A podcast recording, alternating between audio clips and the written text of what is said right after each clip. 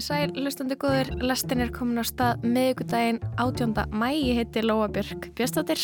Ég heiti Kristján Guðjónsson og við ætlum að fara um viðanvöll í þætti dagsins. Það eru bíómyndir, tónlist og bækur sem verða til umfjöldunar.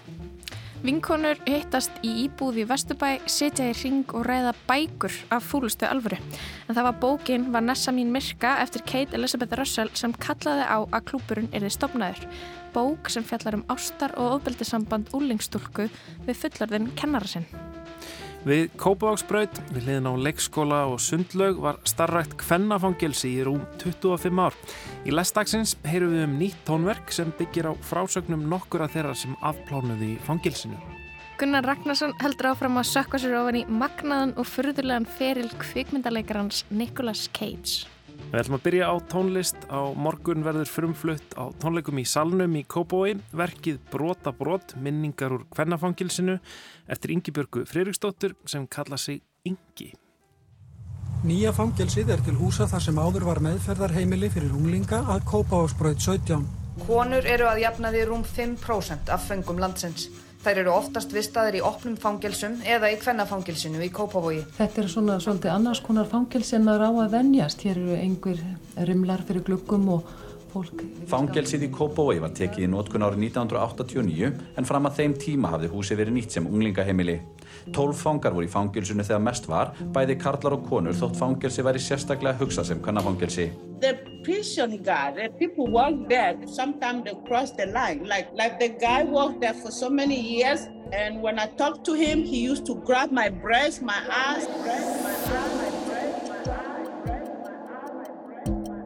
Ég heiti Ingi Björg Fríkstóttir, ég þekkt undir nafninu Ingi sem listamannanamni mitt. E, og ég er tónskáld, hljólistakona Þegar ég bý í bandaríkinum og var í mastisnámi þar í elektróniskum tónsmjöfum þá e, fór ég að fara inn í San Quentin fangilsið e, og vinna með föngum þar að pródúsera hip-hop sagt, fyrstu plötuna sem var pródúseruð og gerð með þess að föngum inn í fangilsi þar sem að þetta voru aðalega ungir fangar að koma og rappa um þeirra reynslur og reyna ná til stráka sagt aðalega á ja, fólks sem að var ennþá kannski eh, fyrir utan í að brjóta að sér og e, að reyna að ná til þeirra og reyna svona svolítið að segja þeim þetta er ekki þessi virði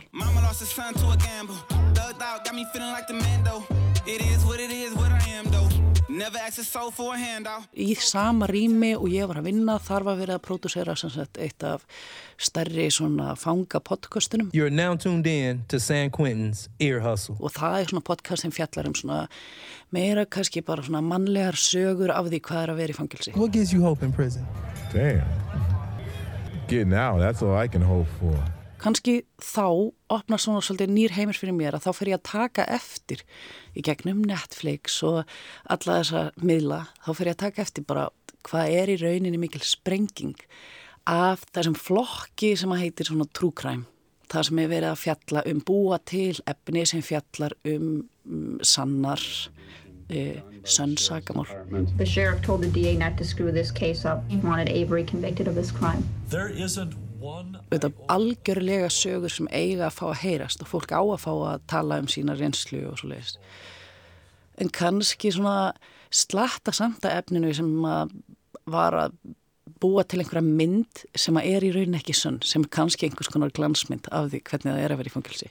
Kannski akkurat fólk að koma og segja sögur og þú veist maður svona velti fyrir sér sko, veist það er alltaf fórnalömp sem eru involveruð og þú veist hvernig, þú veist þetta verður í rauninni ábyrð þessum að býr til hlutina, verður í rauninni miklu miklu meiri í svona e, efni og það er kannski að þannig sem ég svona Ég er sem sagt að byrja e, fyrir líklega ári síðan eða rúmu ári síðan er ég að reyna að byrja að þróa þessa hugmynd að ég ætlaði að e, stinga upp á þess að þetta var keppni í Kópavóginum e, þar sem að menningar á Kópavóks auðlýsir eftir að styrkja nokkur tónskald til þess að búa til hljóðverk sem tengist Kópavóksbæ. Þannig að ég ákveða hérna, koma með hugmyndum að búa til minningaverk um hvernafangilsið sem var í Kópavói og ég held ég sé bara í bílferð með nokkrum vinkunum mínum og við erum að ræða þessa e, hugmynd fram og tilbaka og þá ekkert neginn svona byrjum við að segja væri þetta líka hérna taldi fyndið að taka þessar sögur og setja reknin í samhengi við bara einhvers konar danstónlist eða poptónlist. Í rauninni kannski pingu svona kaltæðnis ádeilu á það hvernig mikið þessum sögum eru sæðar. Mm, Þannig að koma með, þú veist, bara þú fáir einhvers konar, þú veist, bild upp að einhverju droppi og svo kemur allt í einu bara einhver rosalega lína af einhverju mannesku að tala um, þú veist, söguna sína í fangilsi. Maður hata, þá getur maður ekki að nána að velska á hann. Ég hata Ísland. Ég hata kerfið þetta, ég hata aðstöðnar þetta, bara hvernig þetta er búið að skiljuru bila með lífmanns í rauninni. Og ég er búið að nefndis, ég aldrei fengið heimþráðinga. Ég hef svo ákvaða að einbita mér bara að fólki sem að hafiði verið fangilsað í kvannafangilsinu og þar var fangilsað bæði konur og kallar af því að e, það voru bara það fáar konur í fangilsa oft á tíðum. Það var ekki hægt að fylla alla klefana með konum. Mm. Þannig að e, ég fór svona að gramsa og reyna að hugsa hverja ég geti mögulega þekkt sem að myndi þekka einhvern og þetta var alveg svona, já, áhuga að vera vinna að reyna að grafa upp hverjir þekka einhvern sem gæti þekkt einhvern sem að var í kvennafangilsinu og svo bara e, fann ég e, alveg frábært fólk sem að var tilbúið þetta. Svo þegar ég var kannski búin að finna eitt nafn að reyna að sannfara þannig einstaklingum að, koma og koma í viðtal. Og enn frekar, frekar þegar að þú ert eitthvað tilruna tónskald e, og ert að reyna að útskýra hvað ert að reyna að gera e, þá er fólk svona hæfilega tilbúið að tala við þig. En e, ég fann indislegt fólk sem saði mér sína sögu. Þannig mm -hmm. ég, ég hitti þó nokkur einstaklingar sem hefði, hefði verið fangilsaðar í kvannafangilsinu Já, og hvað ertu þá með marga sem þú ert að Ég er með fjóra aðra, fjóra, tvær konur og tvo menn. Og þau eru bara að segja frá sinni upplifun og, og, og reynslu á þessu stað Já. En ég minni samt að mikið af þessu fólki sem var að vinna þannig hafi verið mjög gott sko.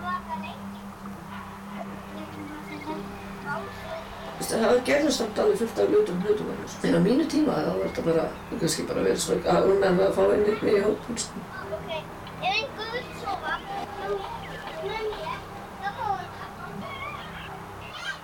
Og stelpunar láta alveg ljósa þeim er eitthvað eitthvað bætt öllu með þetta? Er mitt fangilsi, út úr fangilsinu sattum flýttum, það er svo fokkin gróða sko og það er mjög alveg ég, ég þarf að skemmta Við kannski sjáum um fangilsin sem þessar svona mjög svona hörðu staði þar sem ofbeldi og, og einhvern veginn svona karl, og eitruð karlmerska mikið af henni eh, er eh, staðsett einhvern veginn, en, en hvernig fangilsi er kannski eitthvað svona aðeins annað einhvern veginn. Já, ég held samt eh, svona af því sem ég lærði þá var kannski ekki endilega mikið minna ábeldi, kannski öðruvísa ábeldi eh, en ég held að það var ofbeldi, það var ofbúslega mikil fíknarna neysla greinilega, þau tala mikið um það. Um, en ég held að það sem er kannski áhugaverðast er að þegar að þú veist sérstaklega kallmenninir, þeir eru að bera saman reynslu sína af því að hafa verið í kvennafangilsinu og síðan á Littlarhaunni um, Sogni um, Holmseiði þeir eru daldi sammála um að kvennafangilsi hafi verið alveg hræðilegu staður. Og mörgu leiti af einhver svona innföldum ástæðum sem bara svona það var bara svo leiðilegt.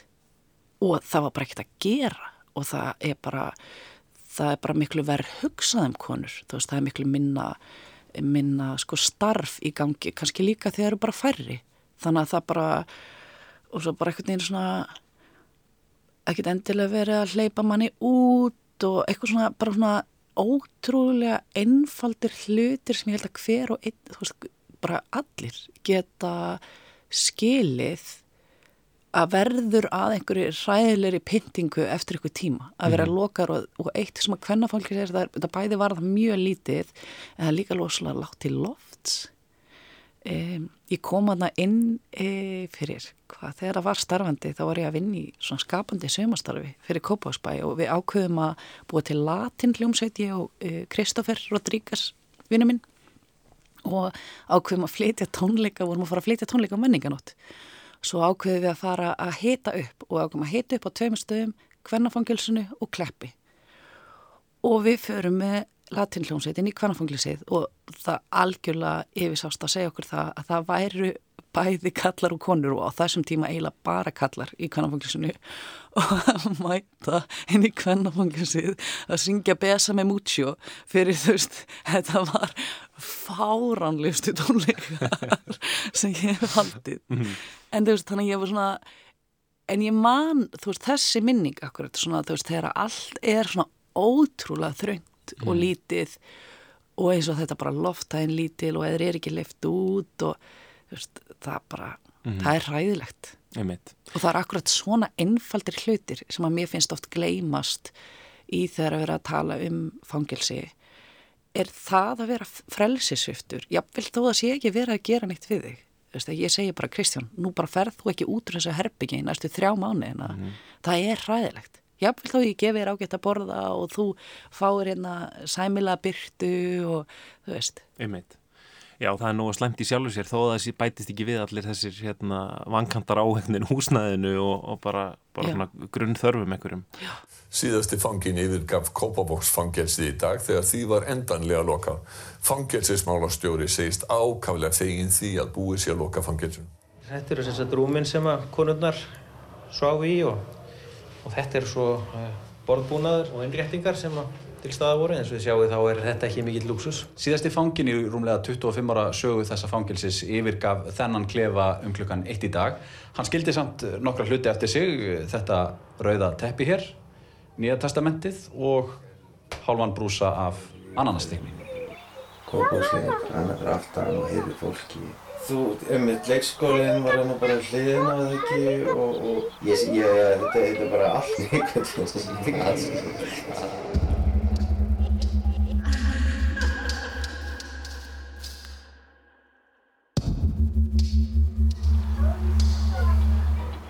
Til að byrja með er kvernfangelsi þetta staðsett alveg á ræðilum stað. Það er staðsett hliðin á leikskóla, rétt hjá sundlauginni e, og það er akkurat þau lýsa þýtaldið e, hvernig þú heyrir í börnunum í leikskólanum og leikar sér í sundlauginni og að staðsetta, e, ég meina, bæði kallmenn og konur eru þetta bara, veist, að vera fadir eða móðir í fangelsi og þurfa að hlusta á börnmæti í leikskólanum hverjum degi. Um, er, já, það er grimt, Mhm. myndi ég segja, sko. Um, áður en að hvernafangilsi var, var það fangilsi, þá var það upptökuheimili fyrir unglinga. Og einn af viðmælendunum talar akkurat um það að hann var á upptökuheimilinu og svo nokkrum árum síðar en hann tekið nú settur í fangilsi. Mér finnst það líka svolítið sérstakt Mhm. að hugsa, maður myndi halda að upptökuheimili fyrir unglinga ætti að vera einhvers konar staður til að reyna að hjálpa þeim og ætti að vera jákvæður eða góður en þetta er svolítið svona lýsandi að kannski var þetta bara ákveð unglingafangelsi sem hann var settur í og hann tala mikið um hérna, einangrun sem hafi verið þar og, og bara hræðilegar minningar af þeim stað sem upptökuheimili Einmitt. þannig að þessi staður á skrýtna sögu hann á, já, og, og, og auðvitað svo akkurat eins og þú segir, svo er bara minningar Kópavóks e, búa og ég veit að ég á vinkunur sem að ólist upp í Kópavogi og bara minnast þess að vera koma upp að geringunni að heilsa upp á fólk og svona. Sem að mér finnst reyndar á ákveðin hátt pingu íslenskt og, og, og krúllett eitthvað Já, í rauninni, víst, þú segir að þetta sé vond staðstænding, en ma maður hundsar á einhvern nátt að það sé kannski líka bara á vissan nátt svolítið fallegt að, að, að, fólk sem er í rauninni e, samfélagið ákveður að um, vilji halda einhvern veginn frá öðru fólki sé samt einhvern veginn inn í, inn í bygg, Já. sé ekki upp, upp á einhverju heiði. Já, já og það jákvæði að líka er að e, það verður þetta mjög auðveldar fyrir fólk að heimsækja. Þetta er almennt refsuvist, þetta áður á betrunarvist. Þannig ég veit ekki alveg í hverju betrunarvist í dag fælst. Ég hef aldrei skilið það. Þetta er refsiviststefna. Það er verið að refsa, það er ekkert sem er uppbyggilegt þarna. Svona þessi vinna þarna og svona, það er ekkert verið að byggja upp manni. Og eins og með meðferðastarfin í fangelsanum, eins og með konunum, það er bara eitthvað neitt. Það er meðferðagangur á litlarinn fyrir kallmenn, fyrir öllu menn, en það er engin meðferðagangur fyrir konur sem þetta vera meira heldur fyrir kallmennina það, það, það eru gróar í neyslunni heldur, heldur, heldur menninni sko. og það er öskara ef þeir fá ekki að dopa sig sko. Hvernig nálgast veginn jafnvægið millir þess að hlustandinn sé bara að hlusta á einhverja frásögn og svo þess að vera að njóta þess að hlusta á tónlist. Er, er tónlistin bara til þess að stiðundi frásögnuna eða, eða verður frásögnuna einhverju aukaðatrið fyrir tónlistina? Hvernig, hvernig spilar þetta saman? Tónlistin er þetta alltaf hjá mér aðalatri. Þannig að tónlistin í rauninni á líka að vera að segja sögu. Þannig ég myndi segja eitt af því eru þetta, þetta er ekki podcast, þetta er ekki, hugmyndin er ekki að búa til helstætt viðtal við eitt viðmálanda. Heldur að taka mörg viðtöl, klippaður henni upp og þú færð, þú veist, eina setningu frá þessum og svo kemur einhver annar og segir eitthvað annað.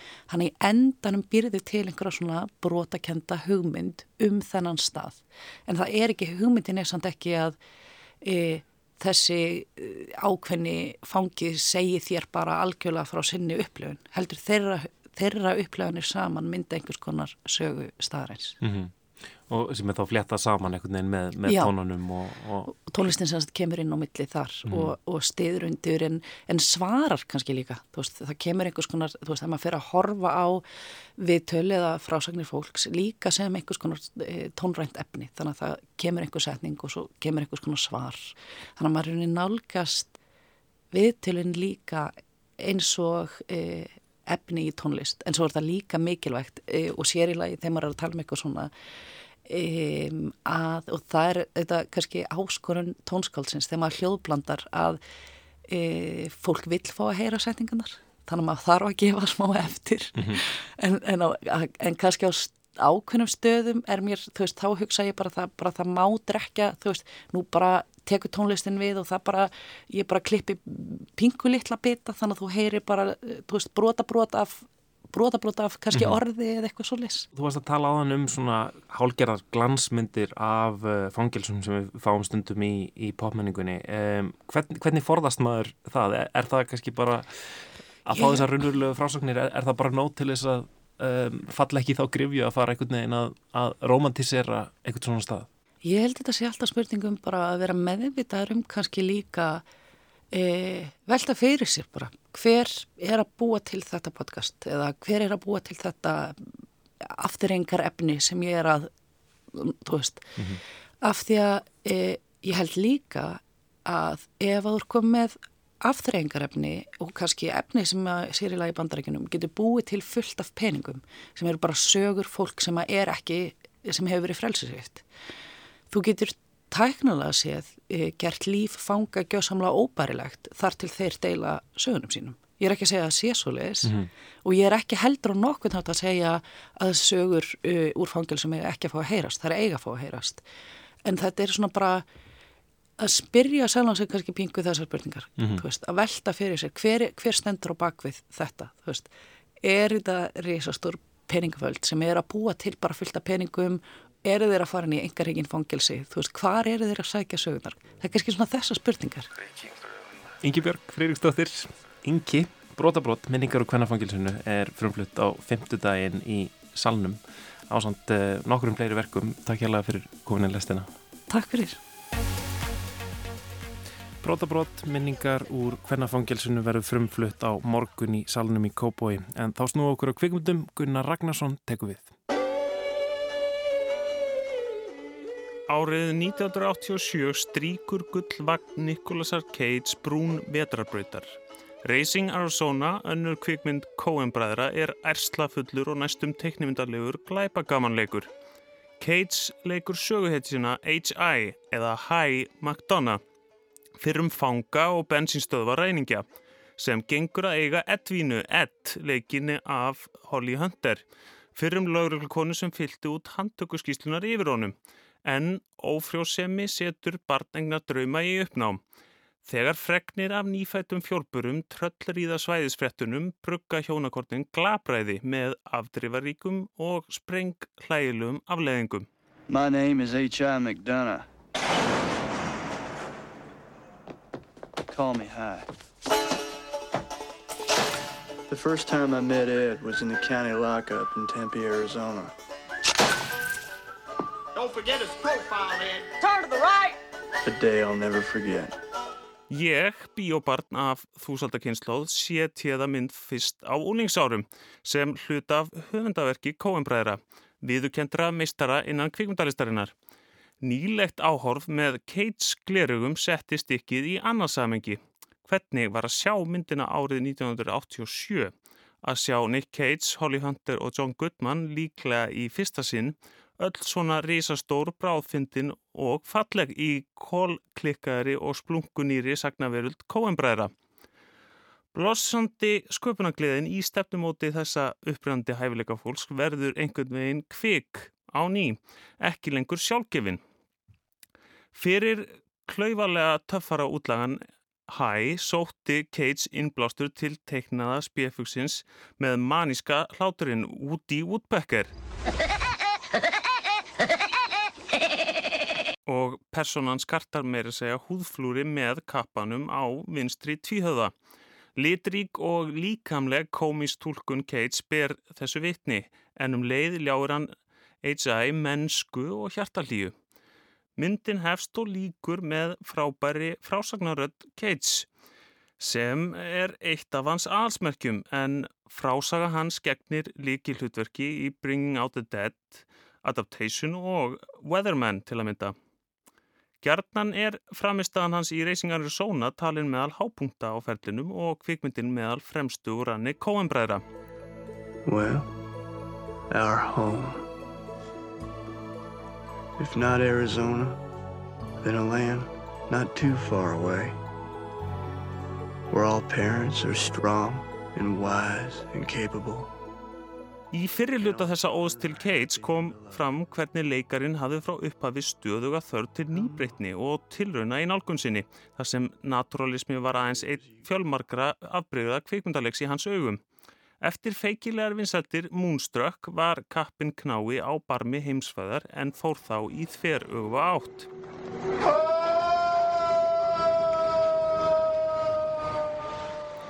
Vampire's Kiss frá árunni 1988 er einstað kvikmynd, kólsvört komedía eða einskonar hrollvekja en Cates talar um reynstuna sem tilraunastofu sína. Íkti klikkaði reyði Cates þessi sem ofleikur frummyndina má finna hér, þar á meðal hápunkta úr YouTube-myndskeiðunum vinsælu. Í einu þeirra öskar hann stafróðið fyrir sálfræðingin sinn og í öðru rávar hann um borgarstræti og öskar I'm a Vampire. How could somebody misfile something? What could be easier? It's all alphabetical. You just put it in the right file. according to alphabetical order. You know, A, B, C, D, E, F, G. H, I, J, K, L, M, N, O, P. Q, R, S, T, U, V, W, X, Y, Z. Já, sprengklaðilegt og skrítið án samengis og innan verksins líka. Frækt er að Keits borðaði kakkalakka í ferlinu tvær tökur og bað um að heldir þið heitu jógurti á tærnar sínar við upptökur kynlífsena. Allatí síðan hefur Keits verið líst sem fagmanni fram í fingurgóma á kollegum og stælanir því líklega dæmi um ungæðisátt. Framistæða Keits í myndinni er sem sé mjög óhefluð, ekspressionísk með vísi af vestrænum kabúki eins og hann hefur líst í sjálfur. Beitt þráður er milli vampyrunar og hins ofurýtla Castor Troy í Face Off og leikrætna mannaláta hans. Þar finnur framúrstefnan stað í meginströmmnum.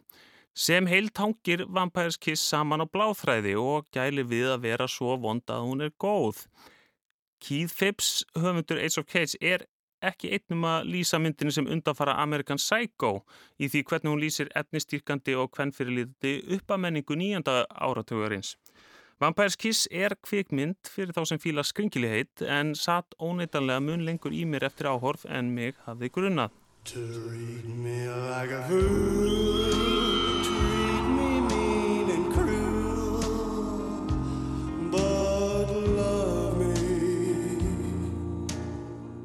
Í kjölfarið fylgdi annar hápunktur á ferli Cates, Wild at Heart, árið 1990 og ofur svöl og kynferðslega hlaðin kvikmynd Davids Lynch um ungu ástinnar Sailor og Lulu og flóta þeirra frá hættum um heimsins.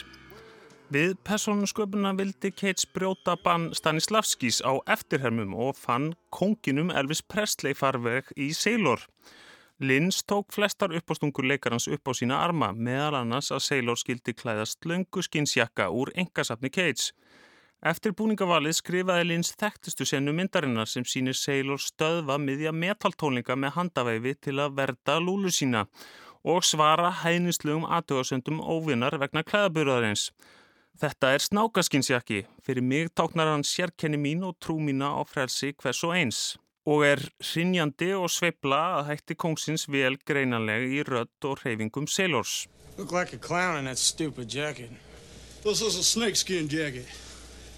And for me it's a symbol of my individuality and my belief in personal freedom.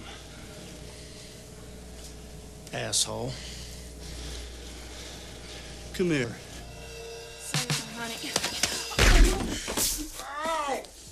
Uppaf tíunda áratugurins einkennist af flakki milli lítilla listrætna kvikmynda og meðalstóra stúdjómynda þar sem Cage leikur gerðnan venjulega náungan.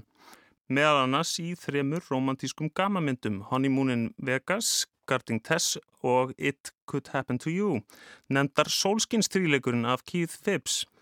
Skömmu síðar kom hann fram í öllu frægari þríleik en hrefti Óskastittu í mittiltíðinni.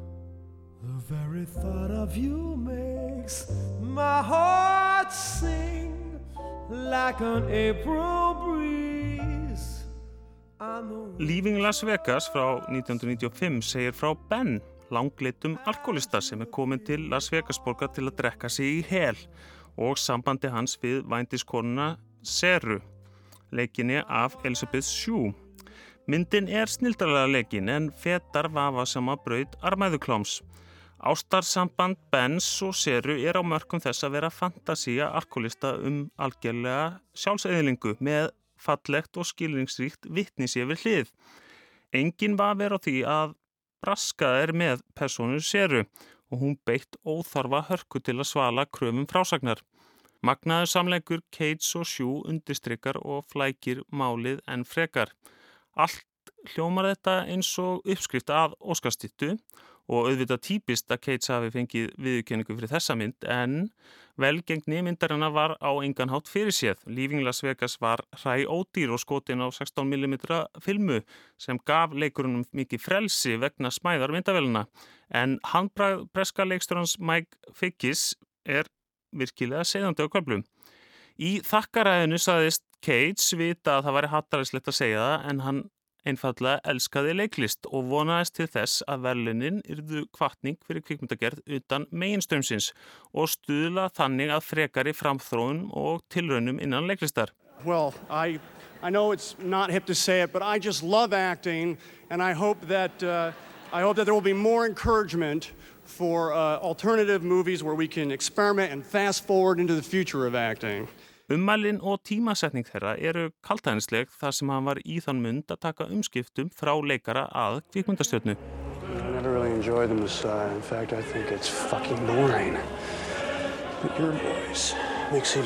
like like a genius. Kvikmyndastjarnar þarf ekki að vera góðuleikari og góðuleikari er ekki það sama á kvikmyndastjarnar. Stjarnabjörnafn sem er kunnulegt um allan heim og trekkir að árandur en býr líka til ákveðnar væntingar og forskrift. Með Hasa þríleiknum The Rock, Face Off og Con Air sem kom út árin 1996 og 1997 varð ævindýra gjarn og harduglugur leikari að kvikmyndastjórninni Nicolas Cage. Fyrir stóran hóp fólks, þar á meðal barnungan Pislahund, voru þessar myndir fyrstu kynni fólks á Cage. Hálf líleg tilur þessarar óvennilu hasarrétju skýrist á stökkbreytingum sem voru að eiga sér stað innan hasarmynda greinarinnar. Ný fagurfræði ofknóttar með samspili hraðari klippingar og mikill að myndavilarhefinga frá áhrifum tónlistamindbanda var að riðja sér rúms en auk þess vantaði greinina nýjar stjörnur. Um stund var Cates því útvalin listageða nýra kynnslóðal hasarleikstjóra eins og Michael Bay og John Woo. Í þríleiknum eru personur Cates alveg ger ólíkar en leikarinn hafði mikið að segja í mótun þeirra allra. You've been playing us all along. You a free man. I said, put the bunny back in the box. Í The Rock er hann eilitið taugaveiklaður vísindamæður og írónískur fulltrúi meðaljónsins sem verður að hasarhetju í enda frásagnarinnar. Í örfám senum skapar Cates ógleimanlegt ílmenni Face-Off, Castor Troy, af ballettkendum gáska. John Travolta og Cates skipta síðan um andlit, minnið um líkamskipti og Cage tólkar góðamannin í fótsporum erki óvinnar síns sem finnur fyrir óvendri ánægju af ílvirkunum á meðan Travolta fær að skemta sér konunglega með því að fylgja eftir kortlagningu og trilltum töktum Cages. Sent verður sá leikur leikin eftir. Cameron Poe, söguhetja Con Air, er síðan fantasía leikarans af fullkominni Suðuríkja ofur kallmennsku hetju. Í hasarmyndunum, líkt og í lífin Las Vegas, hugsaði Cage fluttingsinn í auknumæli út frá tónlistæljum fósendum. Hann nýtti sér tilraunastarsemi úr sjálfstæðmyndum og syndi hlutverkunum af sama metnaði og alvöru og áður. Í raun er alúðin gagvart vinnunni megin stef á ferlinum öllum.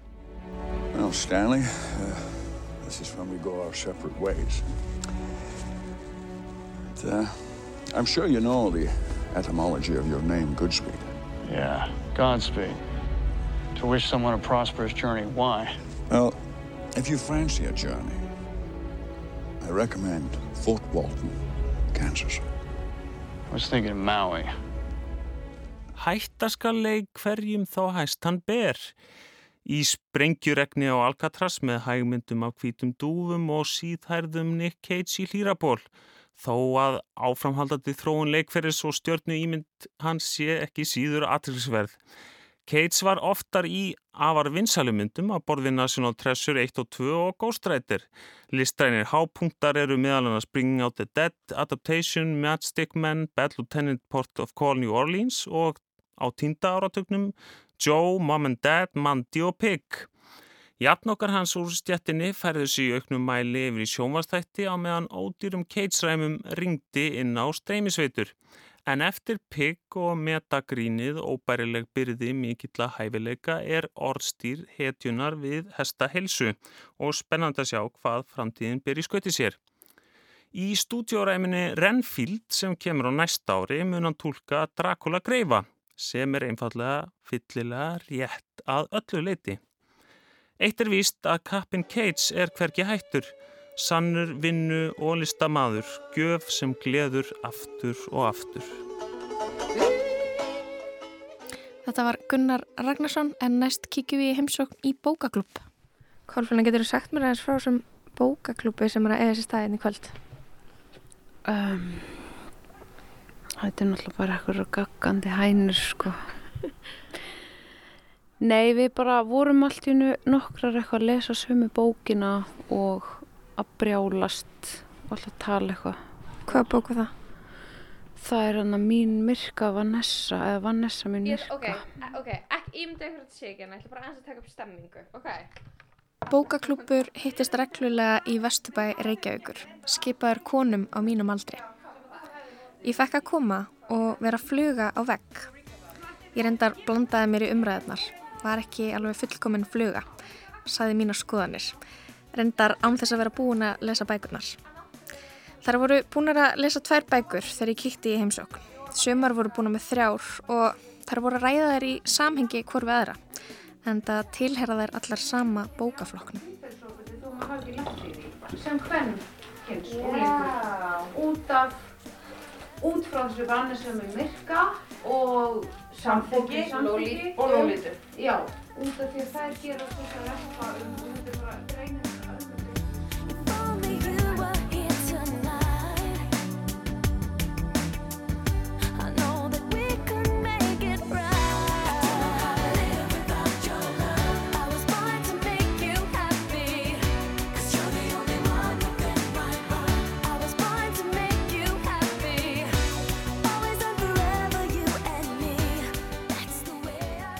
Ég heiti Viktoria Blöndar og ég er 36 ára, bráðum verið 37 ára uh, og ég er uh, listamöður.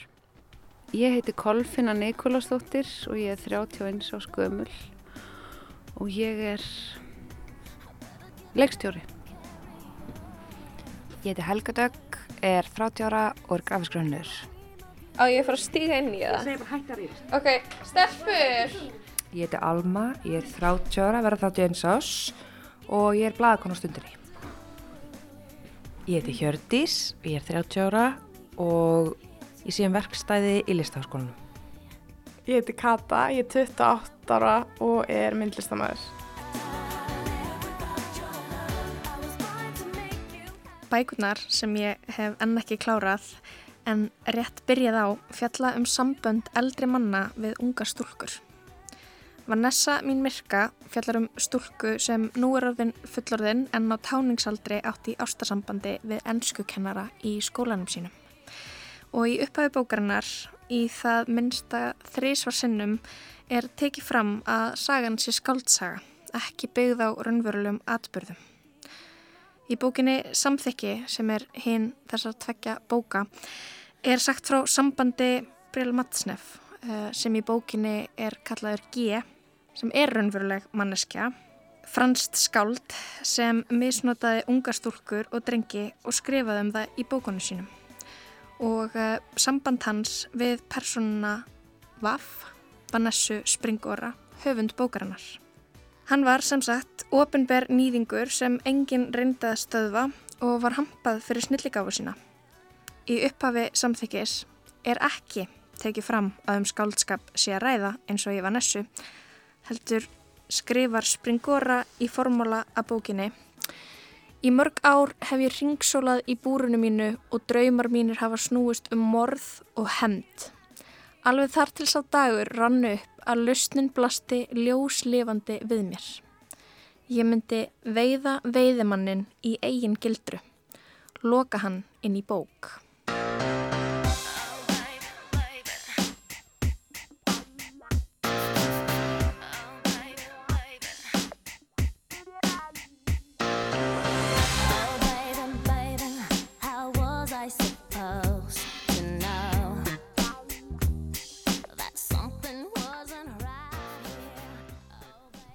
Stopnaði þú en bókaklub? Sko eiginlega ég og Hjördís ákveðum að það þurfti að vera bókaklubur og meldum alla saman og hún var eitthvað brjálið og þú veist, hún er mjög mikill harstjóri mm. hún er mjög reyðið ef einhver kemur seint og þú veist Úrleysin. já, ég var til dæmis bara búin að lesa halva bók núna og ég þorðið alltaf að segja en ég sagði að það var enginn eitthvað það reyður nema Hjördís náttúrulega mjög reyð Ég held ég veit ekkert um, marga bókaklópum eins og þetta sé kannski svona fyrirbæri kannski frá því okkur um öðrum tímum hvað er svona, eð, hvað haldið þið fáið út úr því að hittast og ræða þessar bækur? Þú veist, ég held að við vorum allan allar sammála um að við myndum vera mjög strikt á að það erði lesin bók og eða, ég var, sagði það fyrst bara, það verður að vera lesin bók og við tölum um bókina og það er farið hringin og það bara tími þrjármyndur og mann og allir segja sína upplifir, eða sína pælingar og eitthvað út af því að maður hefur kannski stopnað eitthvað svona klúpa með einhverjum kettlingum í einhverjum tíðina og það er, eins og saumaklúpur er ekkert saumaklúpur, það er bara kettlingar að gagga eitthvað mm -hmm. og svo er þetta auðvitað það en við erum samt að fá mjög mikið út úr því eða þú veist það er mikið sem kemur, þetta er bara uppspreyta, maður er bara með eina bók mm. og svo kemur bara miljón þú veist, svo fyrir við út um allan heim, skiluru og nú er þeman alltaf búin að vera búið að vera mjög svona depressing Já, hvað er þema? Er eitthvað svona sammeilegt sem að tengir allar þessar bækur saman sem þið byrjuð á? Já, það er eitthvað svona petofíla vesen en það, og það er mjög gott en við ætlum að kvíla það, núna fyrir við meira út í kannski ég held að næsta bók sé til dæmis bara Drive Your Plow Over the Bones of the Dead sem er mhm. æðisli æðisli bók og það er ekki það er bara einhver æðislegur Nobels krimi skiljuru, það er ekki það kemur ekki inn á petofíli allavega ekki það sem ég er búin að lesa hinga til og ég vona að koma ekki að ég er orðin smá þreytt á því. Það er búið, það er búið í byli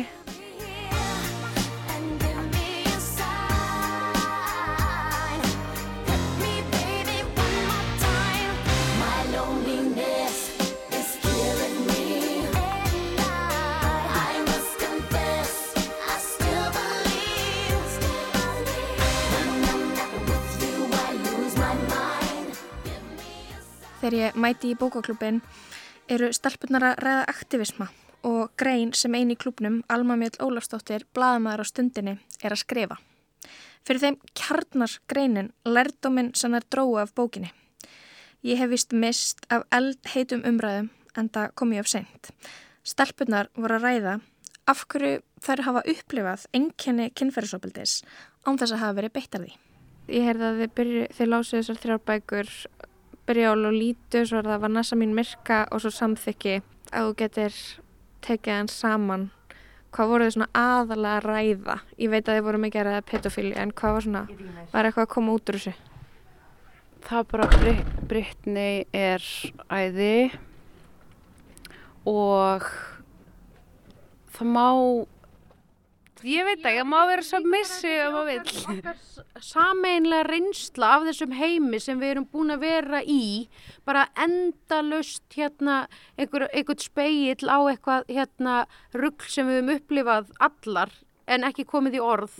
Við einhvern veginn fundum það í þessum bókum mismikið og mislíkamlega sumar guppuðu við lestur hérna lólítu og, og, og samþykki. En, en hérna allar einhvern veginn voru við sammálu um að Vanessa mín myrkva er, er bara eitthvað Veist, mér persónulega langar ekki að tala við neitt um ofbeldi eða þú veist, ég nenn ekki að tala um ofbeldi meir en maður er einhvern veginn alltaf að því. Og ég, þú veist, eftir að vera búin að lesa þá bók þá bara erum við á einhverjum sameilegum grundvelli til að tala um þetta en og skiljum. Líka, þetta byrjaði út þegar við vorum allar að lesa þessa bók, ég og Blær, Blær Stína benti mér þessa bók fyrst, svo var Blær að lesa hana og hún var bara, við vorum bara trillast og það kallaði bara við verðum núna, Hjördis var bara, þú veist, messenger hérna logar, við verðum bara að hittast og ræði þetta út og það bara... Þannig að verður einhvern veginn bókin sem kallaði bókaklúb frekar heldur en að eitthvað leittist Já, svona alls ekki okkur leiðist. Nei, það er alls ekki það. Börn, smá frí frá börnum er ekki það sem er í gangi. Er verið að rýfast henni? Já. Okay. Hvað er það? ég, ég, ég,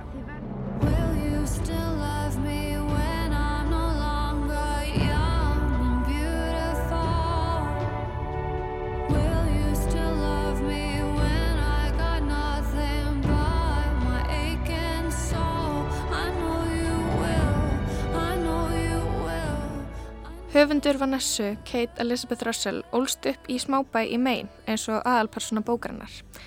Hún las á úlingsárum Lolítu eftir Nabokov og sá sjálfa sig í bókinni. Sá hvernig erketýpan Lolíta var enn þjættofinn menningunni. Í viðtalið við Braska Blaði Guardian rifir hún upp Britney Spears, mynd af henni á forsiðu Rolling Stones tímaritsins í nærfötunum í Svefnerbergi Úlings liggur í bleikum satinrúmfötum og heldur á stuppadúku. Og hún rifjar upp tónlistamindbandi Baby One More Time þegar að Britney er klætt í skólabúning með bert á milli og lítur út eins og saklaus skólastólka. Á úlingsárunum fór Russell að taka eftir í að fullorðni menn voru farnir að veita henni aðtikli. Hún hugsaði ennum sig sem barn en umheimurinn var farin að breyðast við henni eins og konu.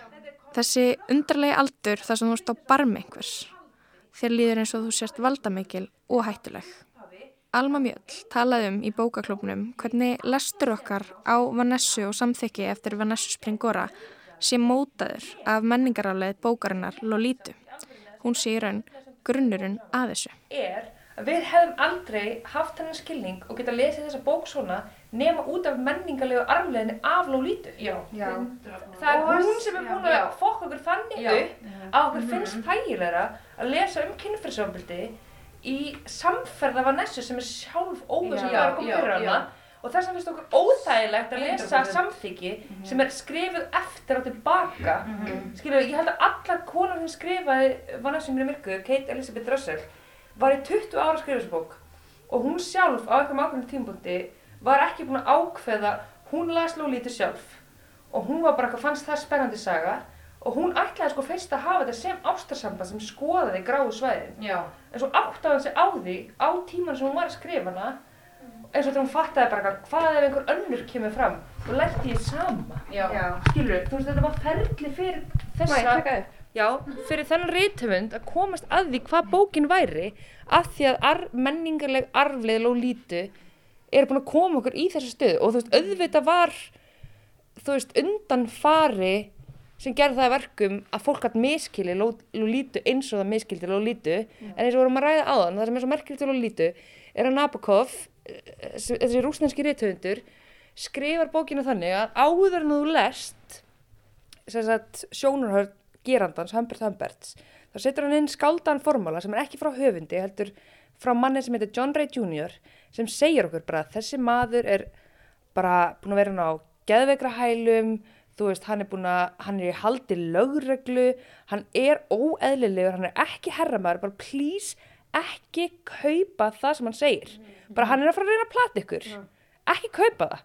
Svo bara byrjar bókina, svona frægu orðum, þú veist,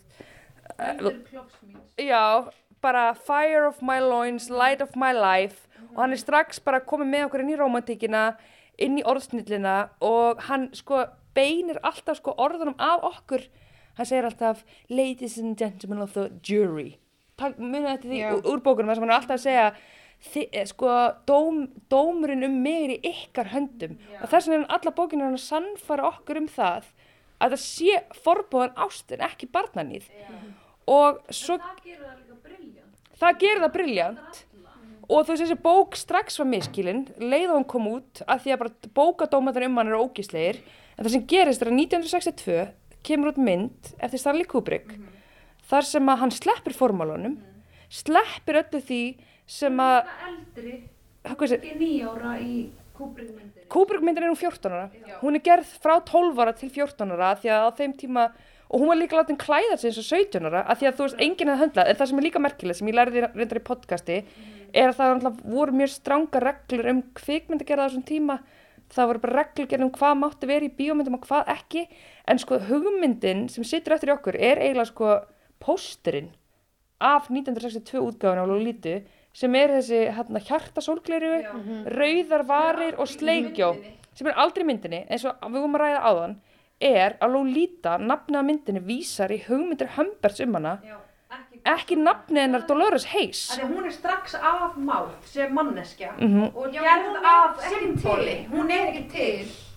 Hún er bara það sem að hann púslar saman. Það er svo Fokkin... Lolita er gælunafnið sem Humbert Humbert, aðalpersonan í skáldsögunni Lolita eftir Nabokov, gefur 12 ára stúlkunni Dolores Hayes sem hann verður ástfangin af. Lolita er orðið að hugtaki yfir fyrirbæri fyrirbærið ung stelpa sem táldregur eldri menn, þó að bókin fjallum mann sem misnotar táningstúlku.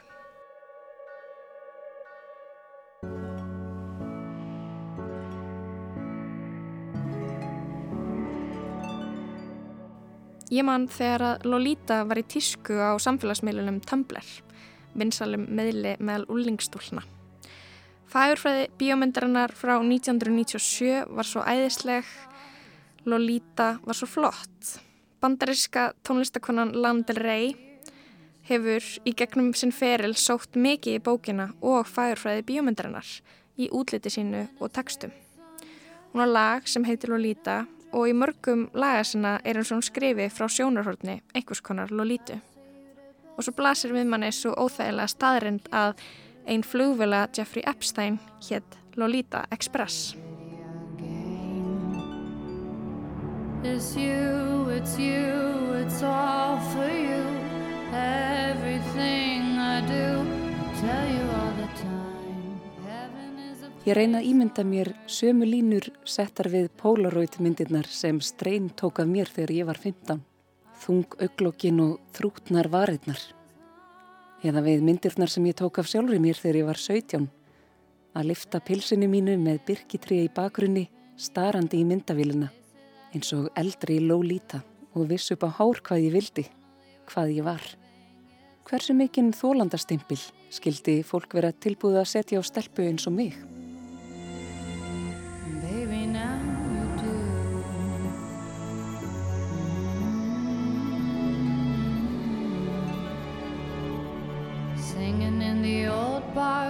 Ég veit ekki. Ég tala um að ofinbæra aðhyllast þessar fagurfræði heldur bara fyrir mig að lesa þessu bók mm fæ ég svona skilning á hvaðan ég kem, eða hvaðan kvillar koma eða svona sjálfsmyndar skekkjur sem ullingur og bara barn.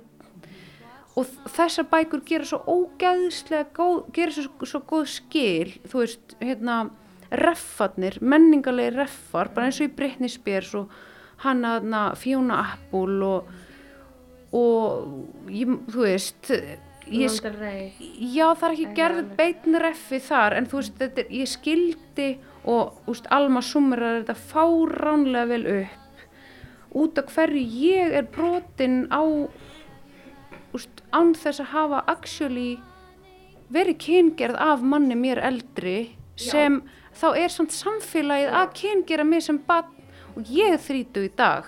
Þannig að þetta eru mín uppvakstar ár veist þessi kynnslóð, kynnslóð okkar sem eru hér í þessum bókaklúb upplifum þetta og þetta er bara uppeldi. Ég bara, ég dyrkaði úr tatú skiluru og ég er alls ekki að segja að fagur fræðin í tatú sé eitthvað annað en fullkomin sko hvað, ef við förum út í það úst, bara love it skiluru en núna skil ég mín brot og hvað af Í lok kvöldsins voru þær og reyndar ég líka farnar að rýfast um kynlífsvinnu, OnlyFans, hlutgerfingu og hvort að smá ofbeldi í kynlífi væri í lægi. Samt ekki á sama hátt og það rýfist á netinu, heldur voru við saman í liði. En við vorum að reyna að komast að ykkur, vorum að reyna að skilja hver aðra og okkur sjálfar. Skilja aðeins betur flækjurnar sem tengjast í að vera kona að vera alin upp við að eiga að vera svona eða hins einn í samfélagi sem kyngerir kornungar stúlkur. Og svona hvernig það rugglar í hausnum á manni. Það er þreita í hópnum en það er málefnið þungt. Það er erfitt.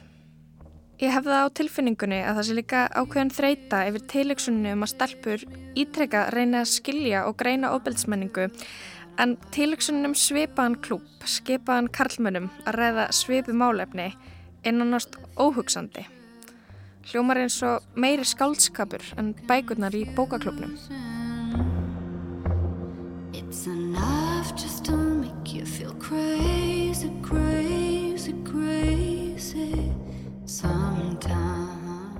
Ég held að sé engin viljandi að reyna að vera lólíta lengur, þú veist, mm -hmm. en það er samt, það er, það eru leifar af þessu í öllu eins og Alma segir í greininu sinni er bara þar kristast, kristallast þetta þegar að þú veist það búið af sjálfka já og oh, hvað var hérna með þegar að þú veist þetta er ekkit, við erum ekki að reyna að kopja hana með því að vera að klæða okkur eins og lítil börn en við erum samt með þessa arfleith af þessu í öllu og það að, emitt, að við okkur finnst erfitt að, eins og við höfum talað um, erfitt að kalla þegar að 16 ára stelpa sefri og 40 manni, okkur finnst erfitt að kalla það badnanýð, þú veist, og að þetta samþykki sem að er veitt einhvern veginn upp úr okkur með, með því að setja tónin, þar er arfleðilega og lítu ennþá, hún er ekki vissjóali í, þú veist, Það er ekki ennþá verið að framlega, þú veist, það er ekki framleitur en að... Snúpi,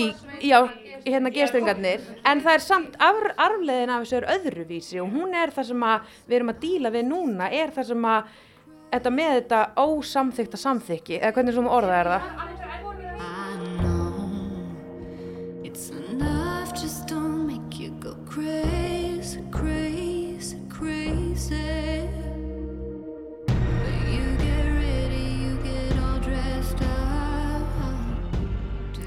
Snúpi brjóstaraldrar eru minning sem ég hefði grafið djúft í huga mér. En konur á mínum aldri muna kannski þá tíma þegar við vorum að egnast okkar fyrstu brjóstaraldra. Það voru yðila í fjölda tilfella sem ég þekki Snúpi push-up brjóstaraldrar úr H&M. Við munum þá daga þegar H&M framleiti nærfödd fyrir kynþokkafull börn. Rættum þannig við meðlemi nýstofnaðs bókaklúps um bækunar sem þeir eru að lesa en lestin verður ekki lengri í dag. Nei, við Kristján og Lóa verum hérna aftur á morgun. Tæknumæður lestarinnar er Lítiða Gretastóttir. Verðið sæl.